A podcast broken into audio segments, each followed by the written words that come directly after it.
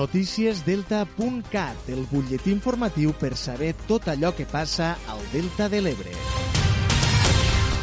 Una salutació des de Delta.cat. Anem a repassar l'actualitat de la jornada. La gran rua de Carnaval ha tornat a omplir de disfresses els carrers de Deltebre este passat cap de setmana. Hi van participar una vintena de comparses amb més d'un miler de participants i enguany cal destacar el premi a la millor comparsa que s'ha adjudicat l'Associació de Veïns del Barracot. Ens ho explica Diana Mar.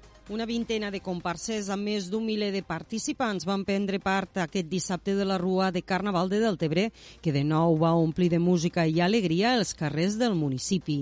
Aquest any l'Associació de Veïns del Barracot ha guanyat el premi a la millor comparsa, amb una disfressa inspirada amb el Trencanous.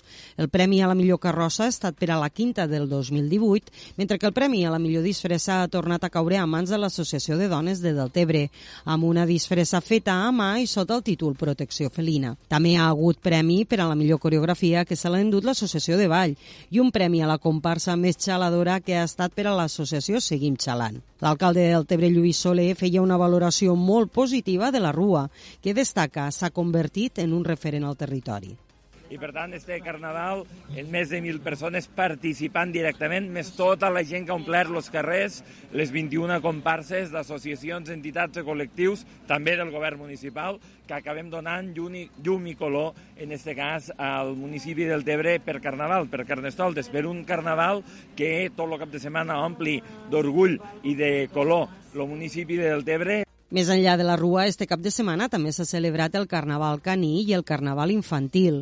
Divendres a la nit va celebrar-se també la festa de la pijamada a càrrec de la Quinta del 2005. I ara els expliquem que vuit artistes nacionals i internacionals reflexionaran sobre la importància del salobràs des del punt de vista cultural i ambiental a través d'una exposició al Pati Centre d'Art de les Terres de l'Ebre que acollirà la mostra El valor de la sal fins al 30 d'abril. L'impacte ecològic d'este producte, així com la seva naturalesa cultural o el seu potencial regenerador de l'ecosistema, seran alguns dels temes sobre els quals giraran les obres de Bàrbara Fluixà, Carmen Lafont, Cristina Mejías, Eva Lutz, Jacinto Esteva, Jorge Yeregui, Lucía Loren i Luna Bengoechea. La cloenda anirà a càrrec del duet Menir, que oferirà un concert al mateix temps que el públic podrà passejar per les salines de la Trinitat. I un últim apunt, el dissabte 1 d'abril l'Ampolla tornarà a ser l'epicentre del cicloturisme a les Terres de l'Ebre amb la tercera edició de La Garba.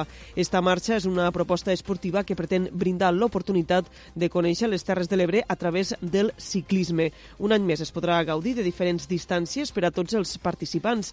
Les distàncies Lomanoll, de 80 quilòmetres, i La Garba, de 128 quilòmetres, transcorreran pels dos hemideltes del Parc Natural del Delta de l'Ebre. Pel que fa a la distància més llarga, la Cabra, de 239 quilòmetres, donarà la volta al Parc Natural dels Ports. El municipi de l'Ampolla serà el punt de sortida i arribada dels 450 participants d'esta tercera edició de la Garba. I així acabem. Ja saben, com sempre, que poden continuar informats a través del portal deltacat.cat.